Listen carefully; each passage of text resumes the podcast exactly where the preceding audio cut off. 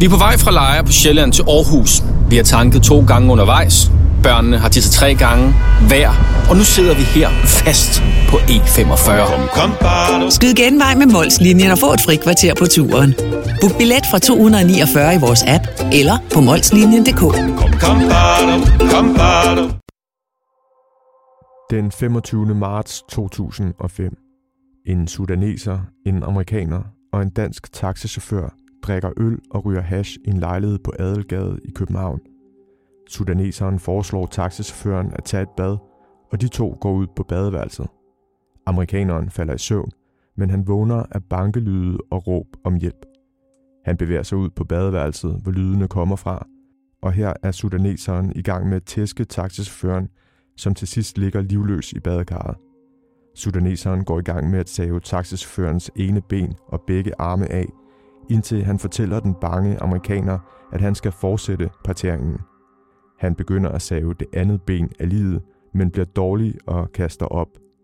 Bitch, udbryder sudaneseren om amerikaneren og klarer parteringen selv, inden ligedelene placeres i en kuffert og vasketøjskurv, som de fjerner fra ejendommen. Du lytter til Panser, en ugenlig podcast på Podimo, hvor vi taler om aktuelle kriminalsager.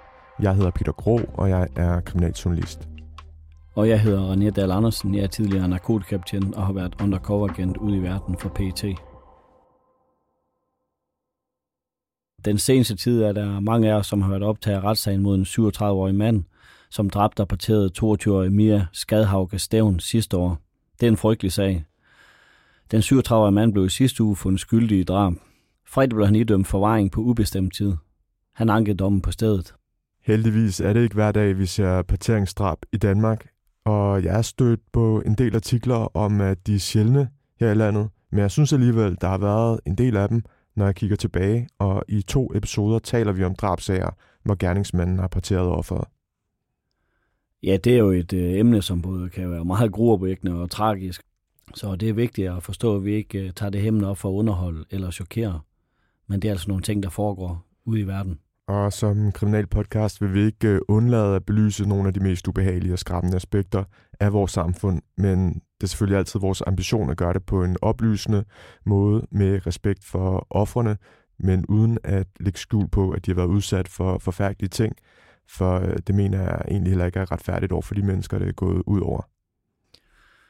Ja, og et historisk overblik over den her type sager, det er jo belyst i forskellige aspekter af noget af det mest forfærdelige, man kan gøre ved et menneskes krop. Og det vil også belyse, hvad det er for nogle mennesker, der begår den her type sager. Der er nogen, der siger, at øh, alle har potentialet til at slå ihjel. Men jeg vil våge den påstand, at det bestemt ikke er alle, der er i stand til at partere et lig. Ja, og det er en påstand, som jeg vil bakke 100% op om, for en ting er at handle i affekt, eller være presset derud, hvor man er nødt til at tage en anden mands liv, eller kvindes liv, og så til at skal partere det. Og øh, i mere sagen der blev hun jo dræbt og parteret i 231 dele. Og det er jo for mig virkelig ufatteligt, at man øh, har overskud og en psyke til, at man kan gøre det. Kan man sige noget om, hvad der driver en drabsmand til at partere et lig? Altså hovedformålet for mig må være, at det er sådan, at man tror, man kan partere et lig, og så kan bortskaffe det og fjerne beviser, eller gøre det svært og vanskeligt for politiet at lave en opklaring af det her. Et lig har efter nogle timer dødstivhed, og så er der jo arme og ben, der kan stride, og det, når man skal transportere sådan lige, er det en fordel at skære det af, så det er nemmere at transportere. Og så tror man, man er i gang med at begå det perfekte drab. En anden ting, det er, at der kan være noget seksuelt i det. Altså noget helt bizart som et øh, psykisk eller et seksuelt øh, motiv. Øhm, men de fleste gange så går gerningsmanden jo i panik, og selvom de er gået i gang med det her, så bliver det jo svært at skjule, fordi at øh, vi lever i en verden, hvor folk er opmærksomme, eller i en verden, hvor ting det kommer op af jorden eller skyller i land. Men der kan også være sager, hvor man skærer et offer før drabet sker, og så, så er det jo en form for mishandling, der finder sted. Og så har jeg læst, at det i nogle tilfælde kan være udtryk for aggression, også sådan partering. Hvis man øh, for eksempel har et stort had til offeret, så kan det være det, som øh, man med et udtryk kalder overkill, Ligesom man har hørt om det i sager, hvor et offer for eksempel bliver stukket mange flere gange, end øh, det er nødvendigt, hvor gerningsmanden bare bliver ved og ved, selvom offeret er livløs, fordi vedkommende har en masse vrede, der skal ud. Ja, så er der sager, hvor det er sådan, at øh, organiserede kriminelle vil sende et signal, og hvor det er sådan, det måske er lige fra meningen, at det er, så man finder en lige del, et hoved eller noget andet, for at sende et signal, men også for at sende, et, at vi er magtfulde, og vi tør og kan det her. Det er det, der sker, hvis man kommer på kant med nogle organisationer, og det ser man blandt andet i Mexico og i øh, Sydamerika, men man har også fået nylig set det i Holland. Men det må selvfølgelig være grænseoverskridende at skære et andet menneske i stykker, men der er det jo sådan set også at slå ihjel. Så hvorfor, tale, hvorfor bliver der talt om det her med, at det er nogle helt særlige mennesker, der kan partere et lig? Øh, fordi et eller andet sted er det jo også øh, noget helt særligt, at man kan øh, afslutte en, et andet menneskes liv. Altså en ting er at slå et menneske ihjel, og men når vi er der, hvor det er, som vi taler partering, så kræver det den her brist, en psykologisk brist med at skal kunne skære i det, også selv i et dødt menneske. Men det kræver også noget fysik, fordi man saver ikke bare en arm over og en knogle over. Det er vist sikkert, at det i langt de fleste tilfælde ikke lykkedes at øh, skjule drab ved at partere et lig og skille sig af med ligdelene. Øh, der er endda sager, hvor personer bliver dømt for drab, selvom livet ikke er fundet. Øh, I min anden podcast, Lovløs, har vi beskæftiget os med sådan en sag. Det er drabet på den 40-årige forretningsmand og svindler Henrik Havberg Madsen i 2010. Her er to mænd dømt for drab, og ifølge vidneudsagn parterede en af de dømte den øh, dræbte i en varevogn, hvor journalister senere fandt spor af den dræbtes blod, men livet er aldrig fundet. Og jeg kommer til at tænke på Peter Lundin, som blev dømt for drab på en kvinde og to børn, selvom lignende aldrig er blevet fundet. Og man må formode, at der blandt nogle af de personer, som er forsvundet gennem årene i Danmark, faktisk øh, i nogle tilfælde er tale om øh, drab, hvor gerningsmænd er lykkedes med at partere og gemme lig og slippe afsted med forbrydelsen.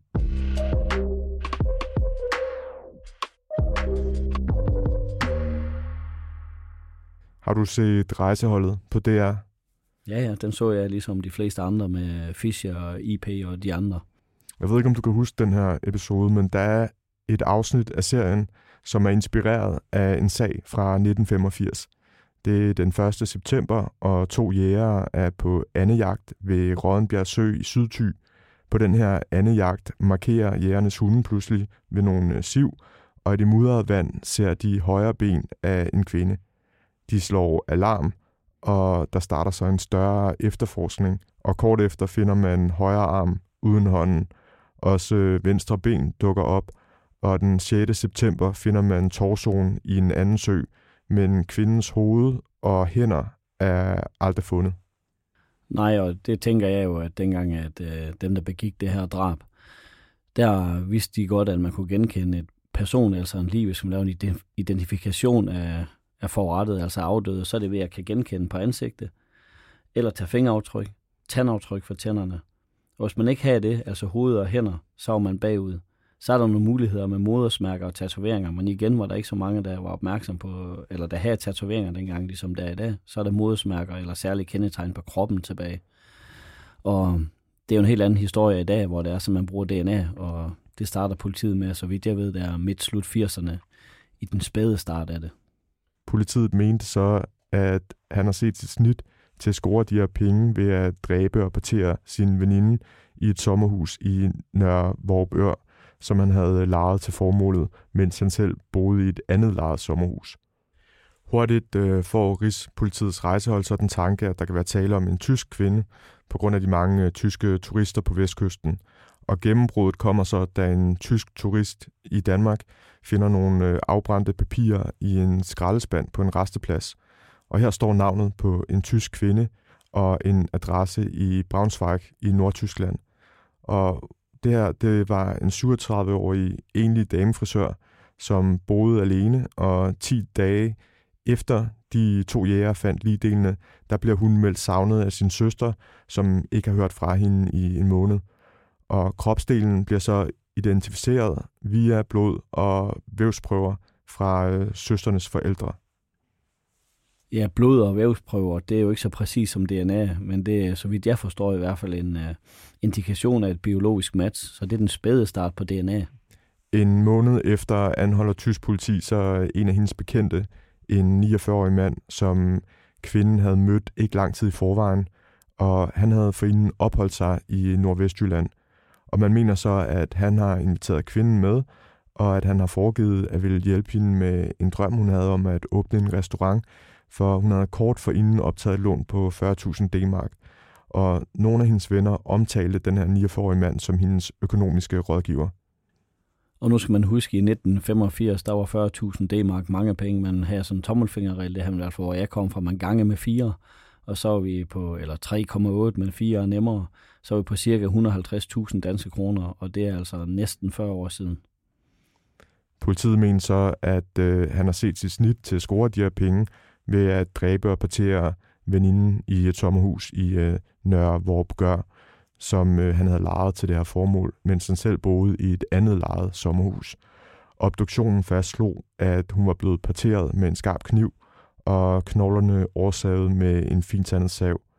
Den tyske mands kone fortæller så, at øh, da han kommer tilbage til Tyskland, der skifter han betrækket i sin bils bagagerum, og øh, han øh, betalte en del af sin gæld af, nogenlunde svarende til 40.000 D-mark.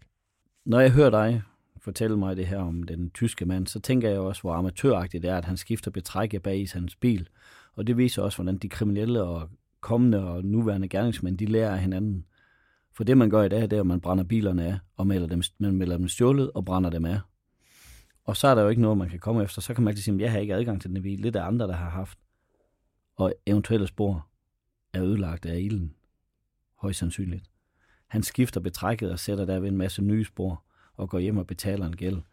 Det er der ikke ret mange, der vil gøre i dag, uanset hvor meget panik de er. Det er fordi, vi blev uddannet af podcast som vores, af at følge med i medierne, der dækker retssager, og i tv-serier, hvor, der er, hvor man tager udgangspunkt i virkeligheden. Men det, så lyder det lidt problematisk, at vi laver det her.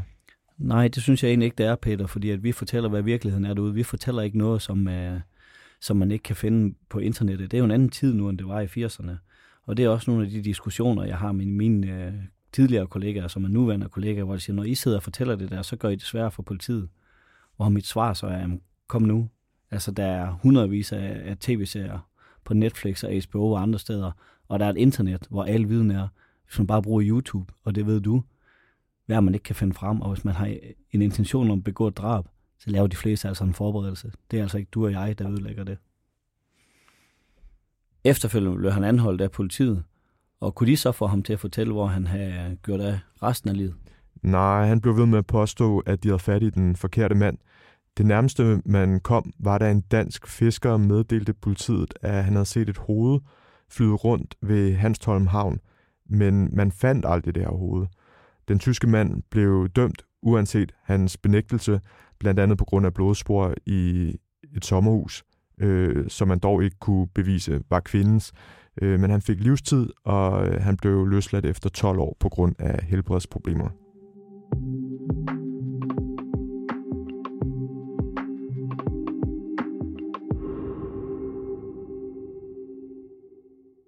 År efter er der en anden kendt parteringssag herhjemme. Der sker det, at en taxichauffør den 31. oktober 1986 sidder og spiser sin madpakke, da han får øje på en sort plastikpose, som driver rundt i vandet ved Islands Brygge i København. Det ser åbenbart mistænkeligt ud, for posen bliver undersøgt, og i posen finder politiet underkroppen og benene af en kvinde. Nogle dage senere bliver endnu en pose fundet i vandet ved Christianshavns kanal, og her finder man overkroppen og armene fra den samme kvinde.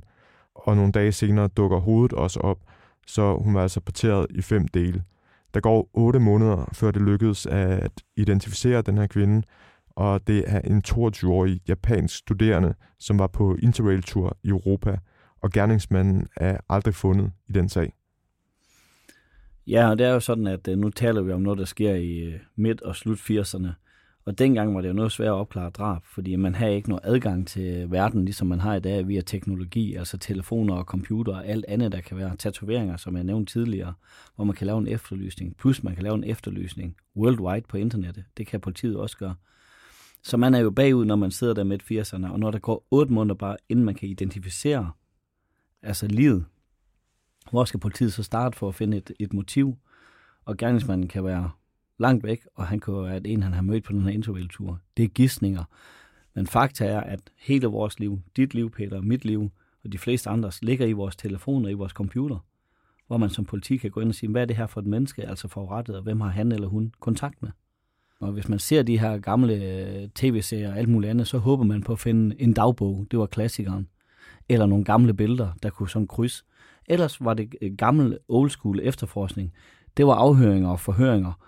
Hvem kendte hende her? Hvem var hun? Timevis af afhøringer af mennesker, der var tæt på, for at danne et billede af, hvem var det her menneske, som ikke er her længere. Det kan man jo godt ved at udlæse en telefon i dag. Mm. Og det, der også gør det yderligere besværligt her, det er, at man finder aldrig hendes egen dele. De ting, hun har rejst med, finder man ikke. Man finder lige delene, men ikke nogen af hendes egen dele. Ja, gerningsmanden har været grundig, og så er man øh, bagud nu, når det er sådan, at det er en fra et andet kontinent. Det er jo tankevækkende, at der går nogle gerningsmænd rundt ud. Et, der både på deres egen psyke går rundt, men viden om, at de har slået andre mennesker ihjel, og har en evne til det. For jeg kan ikke lade være med at tænke på, hvor mange har de så slået ihjel? Eller gør de det igen? Også selvom det var i 80'erne. Den næste parteringssag er i medierne blevet kaldt for Tolne-drabet. Det er en sag fra 1987. En 39-årig mand bliver stukket ihjel af to drukkammerater, og det sker på en landejendom i Tolne i Nordjylland. Og så er vi tilbage ved øh, min øh, hjemstavn, ligesom var med Mia, og nu taler vi igen om et parteringsdrab. Og det er jo sådan lidt, øh, for det her Tolne, det ligger 15-20 km fra mit barndomshjem. Og jeg var 15 år gammel, dengang det skete, så det var noget, man talte om. Og man talte om Tolne-banden. Og det var sådan ikke en bande, som vi forstår i dag. Det var en mand, der hed Tommy, der havde en ejendom ude ved den her lille landsby, der hedder Tolne. Og Tommy, han havde en masse venner, der var kriminelle og småkriminelle. De kom og hang ud på hans landejendom. Og så begik de kriminalitet i de byer omkring indbrud og afpresse folk, og derfor blev det kaldt Tolnebanden, bare sådan i folkemunde. Det var ikke sådan, de havde et logo. Men og, var, var det et navn, der ligesom opstod, eller som blev kendt i forbindelse med drabet, eller var det noget, man havde hørt om før? Det har man hørt om før. Det var sådan øh, folkemunden, ikke? at det derude på den ejendom, der var der ikke nogen, der havde lyst til at komme. Det var Tolnebanden, der var der, altså Tommy og hans venner. Og når man siger hans venner, så var det dem, han havde siddet i fængsel med, eller folk fra det kriminelle øh, verden i Danmark, især i Nordjylland, der kom der. Og det er så også det, der sker her, dengang det her drab, vi skal tale om nu, det sker. Der kommer der en, han har afzonet sammen med, der hedder Tony. Og Tony, han tjekker sig ind, og når man tjekker ind i en bande, ligesom det er i det, vi har talt om mange gange i Panser, så sker der en vridning i magtbalancen. Og ham Tony, der tjekker ind, som så viser sig at være den dræbte, den vridning, den kommer. Og det ender så med, at øh, Tommy, som har ejendommen, og så en af hans venner, som man deler tolnebanden, slår Tom, Tony ihjel med en Bowie-kniv. Og en Bowie-kniv, det er sådan en stor kniv, med, der ligner en slagterkniv. Det var sådan, når man havde der i hvert fald i 80'erne og 90'erne. Jeg har også en. Det minder sådan lidt om sådan en Rambo-kniv, men det er bare et specielt mærke. Og de slår ham så ihjel, øh, efter de faktisk havde planlagt det efter en druktur. De synes, han havde været forkert, og han var med til at lave en skævridning. Han ville blandt andet begynde at sælge narkotika, og det var de andre ikke med på. Og så slår de ham ihjel, og så graver ham ned kort øh, fra den her landejendom. Så sådan som jeg læser det, så bliver han stukket med den her 30 cm lange kniv i ryggen først, og bagefter stikker den anden ham med en lommekniv øh, i halsen. Ja, så graver de ham ned tæt på ejendommen, og så tænker de, nu er det jo godt, for nu er han væk og graver ned, og der kommer jo ikke nogen udefra, ud over bandemedlemmer eller folk derfra der. Men så får de kolde fødder, og tænker, der er jo nogen, der kan finde den her grav. Og så gør man ligesom det er, som vi talte om øh, tidligere i episoden her, at så man partere ham, for der var sådan et pillefyr på den her ejendom. Og for at kunne få ham ned i den lue i det pillefyr, så skulle han skæres i stykker. Og det gør de. Så man graver ham op igen? Man graver ham simpelthen op igen, og begynder at partere ham efter to døgn. Og det sidste, man kommer i, det er hovedet. Og, øhm, og så efter et lille års tid, så kommer der en anmeldelse til Nordjyllands politi. Moren til afdøde eftersøger ham, og har en formodning om, at han tager til Nordjylland. Og så kommer der en anmeldelse, en anonym anmeldelse, hvor der er en kvinde, der lægger en seddel med tre navne på, nede på politigården. Og den begynder man så at efterforske, så kan man se, at den her landejendom, den er brændt ned. Man har forsøgt at fjerne spor. Og da man så kommer ud på den ejendom, hvor et af de navne, og det er Tommy, det var ham, der havde den, der var 12. banden hørt til, så finder man den grav her. Der er sådan nedsunken jord. Tæt på ejendommen. Man kører ud til, politiet kører ud til landejendommen, som så er brændt ned. Tæt på den, der er der en hundefører, hvis hund, der finder sådan en, en nedsunken jord. Det viser sig, at det har været en grav. Og så gør politiet jo sådan en sag. Og det gjorde man også i 80'erne, for man var grundig i drabsager, det er jo det øverste. Så skraber man den grav, man sikrer området, så skraber man lag for lag, i håb om at finde nogle spor. Og de har ikke været så grundige den dag, de her to gerningsmænd. De finder en tegnebog med et sygesikringsbevis i, og det tilhørte den forsvundne, altså afdøde Tony. Tony, ja. Og så finder man en sok, og det er lidt sjovt, fordi den sok, der var hjemmestrikker, der var sådan en speciel øh, lukning på hælen, og den kører man ned og viser Tonys mor, og hun siger, det er rigtigt, det er min søns sok, dem har jeg selv strikket til ham. Så vidste man, han må være et sted. Og så er det så, at man begynder at undersøge, og så er der så opført en carport med beton, og der tænker man, det kan være støbt efter, og så skærer man simpelthen det her fundament op, og så begynder at undersøge, hvad der er. Og der finder man rester af den afdøde, altså den dræbte Tony. Mm. Og det her, det var også før DNA, men politiet får sandsynliggjort, at det er ham, altså Tony, øh, som man finder resterne af i øh, det her betonfundament. Og de to drabsmænd tilstår, og de får hver 12 års fængsel. Jeg mener det i 2018, altså for nogle ganske få år siden, der laver TV2 et øh, dokumentarprogram, hvor man har efterforskeren på sagen op i Nordjylland, hvor man så også møder den ene gerningsmand, altså Tommy. Han bor ikke særlig langt fra gerningsstedet, og der har man et interview med ham, og hvor han siger, at han synes ikke, det var mærkeligt, at man parterede livet dengang, fordi det gør man jo så mange gange også ved obduktion og så videre. Og han viste ikke nogen form for anger. Det var jo sådan, det var. Jeg kan man... godt huske det interview. Han virkede ikke så empatisk. Nej, og det øh, er jo det, vi taler om øh, og har talt om øh, ved de andre gerninger, vi lige har haft tidligere, at det kræver en speciel karakter at kan gøre det der. Men så i virkeligheden så blev de her to gerningsmænd fundet, fordi de havde snakket. Der var en, der havde hørt om det, som tippede politiet. Ja, det er det, og det er det, det er, at når det sker i et misbrugsmiljø eller i et kriminelt miljø, så snakker folk, især i misbrugsmiljøer. Fordi det er svært at, at holde tæt og der er nogen, der praler med det, men der er også nogen, der gør det, for det er sådan, de har brug for at lette deres hjerte eller deres samvittighed.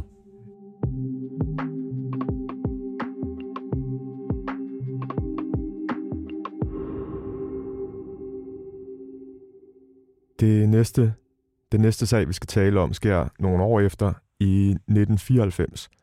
Det er en 32-årig teologistuderende fra Aarhus, som har været meldt savnet i to uger da en kuffert kommer flydende i en vi og bliver fundet af to teenage-drenge.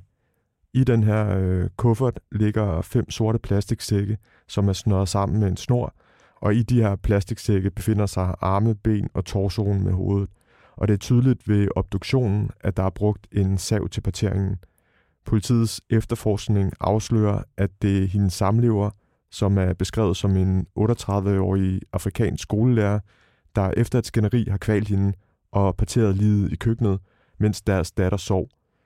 Han havde øh, ellers, da kvindens mor meldte hende savnet, forklaret, at øh, hun var gået på posthuset for at betale regninger, og så var hun ikke kommet tilbage. Men året efter, der bliver manden idømt 12 års fængsel og udvisning for drabet og parteringen. Og parts datter var fire år, da gerningen skete i 1994. Og hun må være omkring 33 år i dag. Og man kan sige, eller det her drab, det sker, der mister hun begge sine forældre, fordi faren får 12 års fængsel og blev udvist af Danmark. Samme år bliver endnu et parteret kvindelig fundet i vand. Ud af de fire første sager, vi har talt om, har det været tilfældet i de tre. Her er det en kajakroer i Københavns Havn, som støder på en sort plastikstik, hvor der viser sig at være noget af et ben og et hoved i.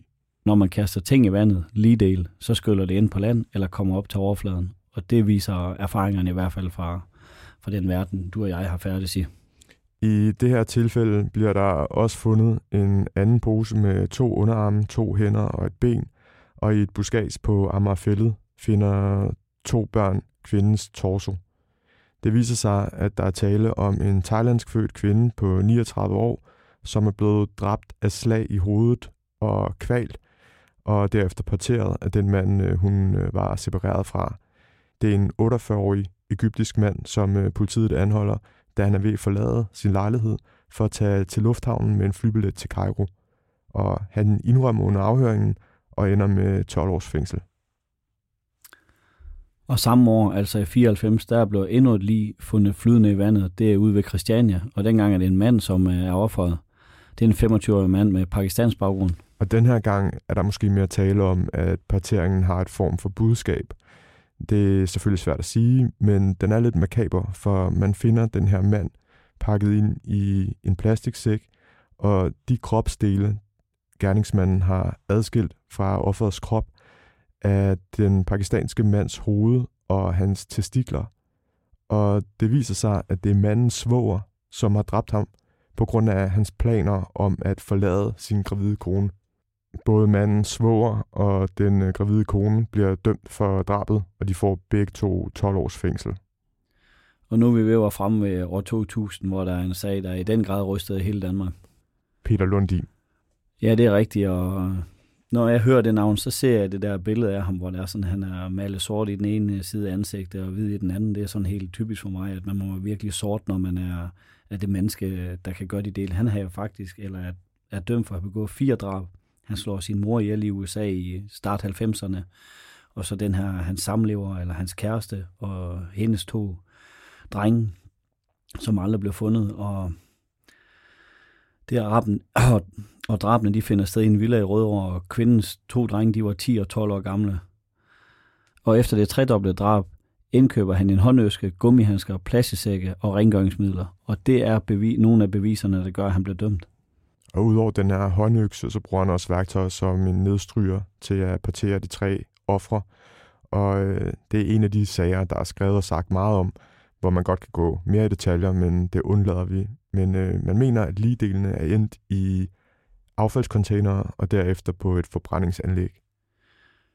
Og jeg kan huske, at øh, mine kollegaer, jeg var i politiet dengang, at de øh, koncentrerer sig meget om vestforbrændingen ude på Amager. Man taler om, at man har undersøgt over 10.000 tons slakker, altså affald, men uden at finde nogle dele af den dræbte. Og det ender så med, Peter Lundin, han blev anholdt måneden efter drabene i juli måned, og han ender med at få en livstidsdom. Og det jeg godt vil sige med den her sag, fordi nu siger du til mig, og vi sidder her og taler om, Peter Lundin kender alle, men der er ikke så mange, der kender de andre sager. Det tror jeg, det er fordi, når det er en dansk mand og en dansk kvinde, så får det mere opmærksomhed ved os, for vi kan identificere os med de her mennesker. Og det ved jeg, det ikke er særlig politisk korrekt, men det er bare sandheden. At sådan forholder det sig i medierne, og sådan forholder det sig, når man sidder og snakker i et omklædningsrum eller på et værtshus. Altså tror jeg også, det handler om, at det jo også gik ud over to børn. Det gør jo sagen endnu mere tragisk. Helt sikkert, det har også noget at sige. Og det er tre drab. Det ser vi heller ikke så altid. Ja, men prøv at tænke over det. At det er jo fordi, at for mig, det foregår på en villavej, hvor der er rigtig mange, der bor. Kvinden er lyshår, to øh, danske øh, drenge, ikke? Altså, forstå mig ret med danske drenge. Det gør bare, at man synes, hov, så kommer det virkelig tæt på. Hvorimod, hvis der er sådan en afrikansk mand, og der får udvisning, eller en pakistansk mand, og i et muslims ægteskab, og en gravid kvinde, det er der kun dem, der er færdige i den verden, der kan forholde sig til. Det kan man ikke nu, når man er levpostejsdansker fra Lolland eller fra Nordjylland på samme måde. Fem år senere, i 2005, er der en sag med sudaneseren, som vi har nævnt i starten af den her episode, som bliver kaldt for Jaguaren. Eller Jaguar, som bliver kaldt for Jaguar. Ja, det er jo sådan et navn, man øh, genkender, fordi den her sag, den har fyldt så meget, øh, den har fyldt så meget af pressen, at øh, et, det er navnet Jaguaren, for det er, det sammenligner de fleste, det gør jeg i hvert fald, med et rovdyr. Og at når man tænker på igen, at det lige der er blevet parteret. Og... Men den her efterforskning, eller hvor man finder ud af, at der er sket et drab, det sker en, øh, en, en tidlig morgen i marts måned 2005, hvor en dreng er på vej tilbage efter noget morgenmad, og her får han øje på to arme og et ben, som er placeret frit fremme med en container, og det er inde i Indre København. Og efterfølgende finder en hundelufter, så resten af ligedelene. Og det viser sig, at den afdøde, det er en 41-årig taxachauffør, som er blevet dræbt i en lejlighed i Adelgade, efter han har drukket tæt med to mænd, som han mødte på en bar i Goddersgade, altså tæt på Adelgade. Og det er en på det tidspunkt 27-årig mand, som bliver kaldt Jaguar, som sagt, som står bag sammen med delvis, kan man sige, hans amerikanske ven. Altså det er amerikaneren Jaguar, som er sudaneser, og så den danske taxichauffør, som befinder sig i den her lejlighed, hvor de øh, drikker og ryger hash, og der er også noget kokain på bordet. Og som jeg nævnte op i starten, så siger Jaguaren, at han kan tage et bad, ham er taxichaufføren, og så går han selv med ud på badeværelset, og så er det så der, at, øh, at amerikaneren pludselig hører nogle bankelyde, og han kommer ud, og, og Jaguar er ved at slå den her taxichauffør ihjel, og han dør, og så starter parteringen, som øh, Jaguar også tvinger amerikaneren til at tage del i, og så øh, flytter de de her lige del ud øh, på gaden. Og som jeg husker det, så fik Jaguarens ven kun fire måneders fængsel, altså amerikanerne for usømmelig omgang med lige. Var det, fordi han var truet på, at det var sådan, at han øh, deltog i at, at partere det her lige, eller hvad ved vi, Peter? Ja, han, han bliver presset til det. Han, han vil egentlig også ringe til politiet, men telefonen bliver taget fra ham. Det har han i hvert fald forklaret i øh, retten på et tidspunkt. Jaguarens forklaring har man jo aldrig fået. Men det er Jaguaren, der starter parteringen op, og så skal amerikaneren overtage, men han, han får det dårligt og skal brække sig. Så, og så bliver han kaldt bitch af Jaguar, og så tager Jaguar øh, over igen. Ikke? Og ja, Jaguar forsvinder også, og der står amerikaneren tilbage, og han får så de her få måneder.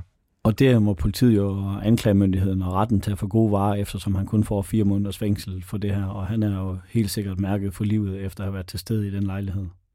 Ja, og Jaguaren han får godt nok livet væk fra sin lejlighed. Øh, noget, som havde været svært at gøre ubemærket uden parteringen måske, men der er ikke rigtig gjort et forsøg på at forhindre, at øh, lige delene bliver fundet, og alligevel slap han afsted med det, fordi han rejste væk. Han slap væk, kan vi sige. Han har ikke fundet endnu her i 2023. Og i 2010, altså 2010, der er der sådan en sag, som du har nævnt i indledningen, Peter, og du har lavet en hel sæson om lovløs omkring.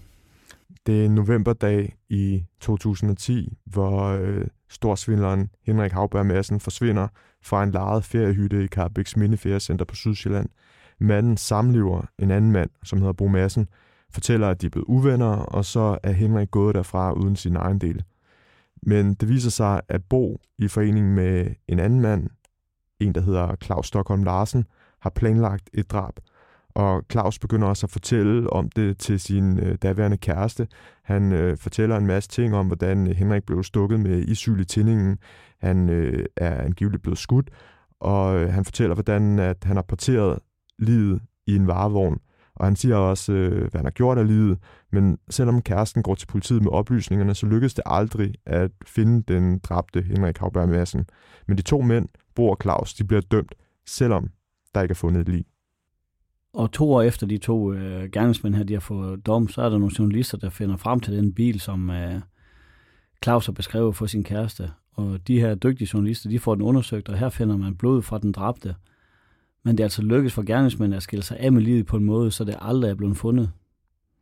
Man kan så sige, at heldigvis at det lykkedes for politiet at opklare drabsager uden et lig, som det er set i både Peter Lundins-sagen, men også i den her. Hvis man ikke har lyttet til Lovløs, synes jeg, at man skal gøre det. I næste episode taler vi blandt andet om en anden sag fra det sydsjællandske, hvor naboer opdager, at der hænger kødlunser på træer og i buske, og et hoved bliver fundet på et garagetag. Det viser sig, at det lige er parteret i 75 dele, som er kastet rundt på en sommerhusgrund, og det er en sag, hvor jeg har brugt mange timer på at øh, møde og tale med gerningsmanden. Så lyt med i næste uge, fordi at øh, det her det er altså ikke i Mexico, det foregår. Det er i Sydsjælland.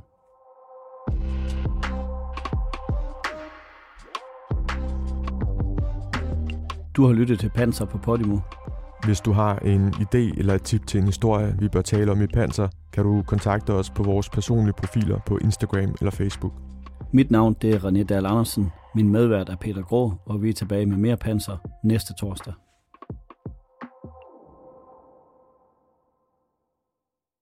Du i tvivl om dit bil er klar til ferien, og om din aircondition trænger til rens? Så er det Automester. Her taler du direkte med den mekaniker, der servicerer din bil. Automester. Enkelt og lokalt.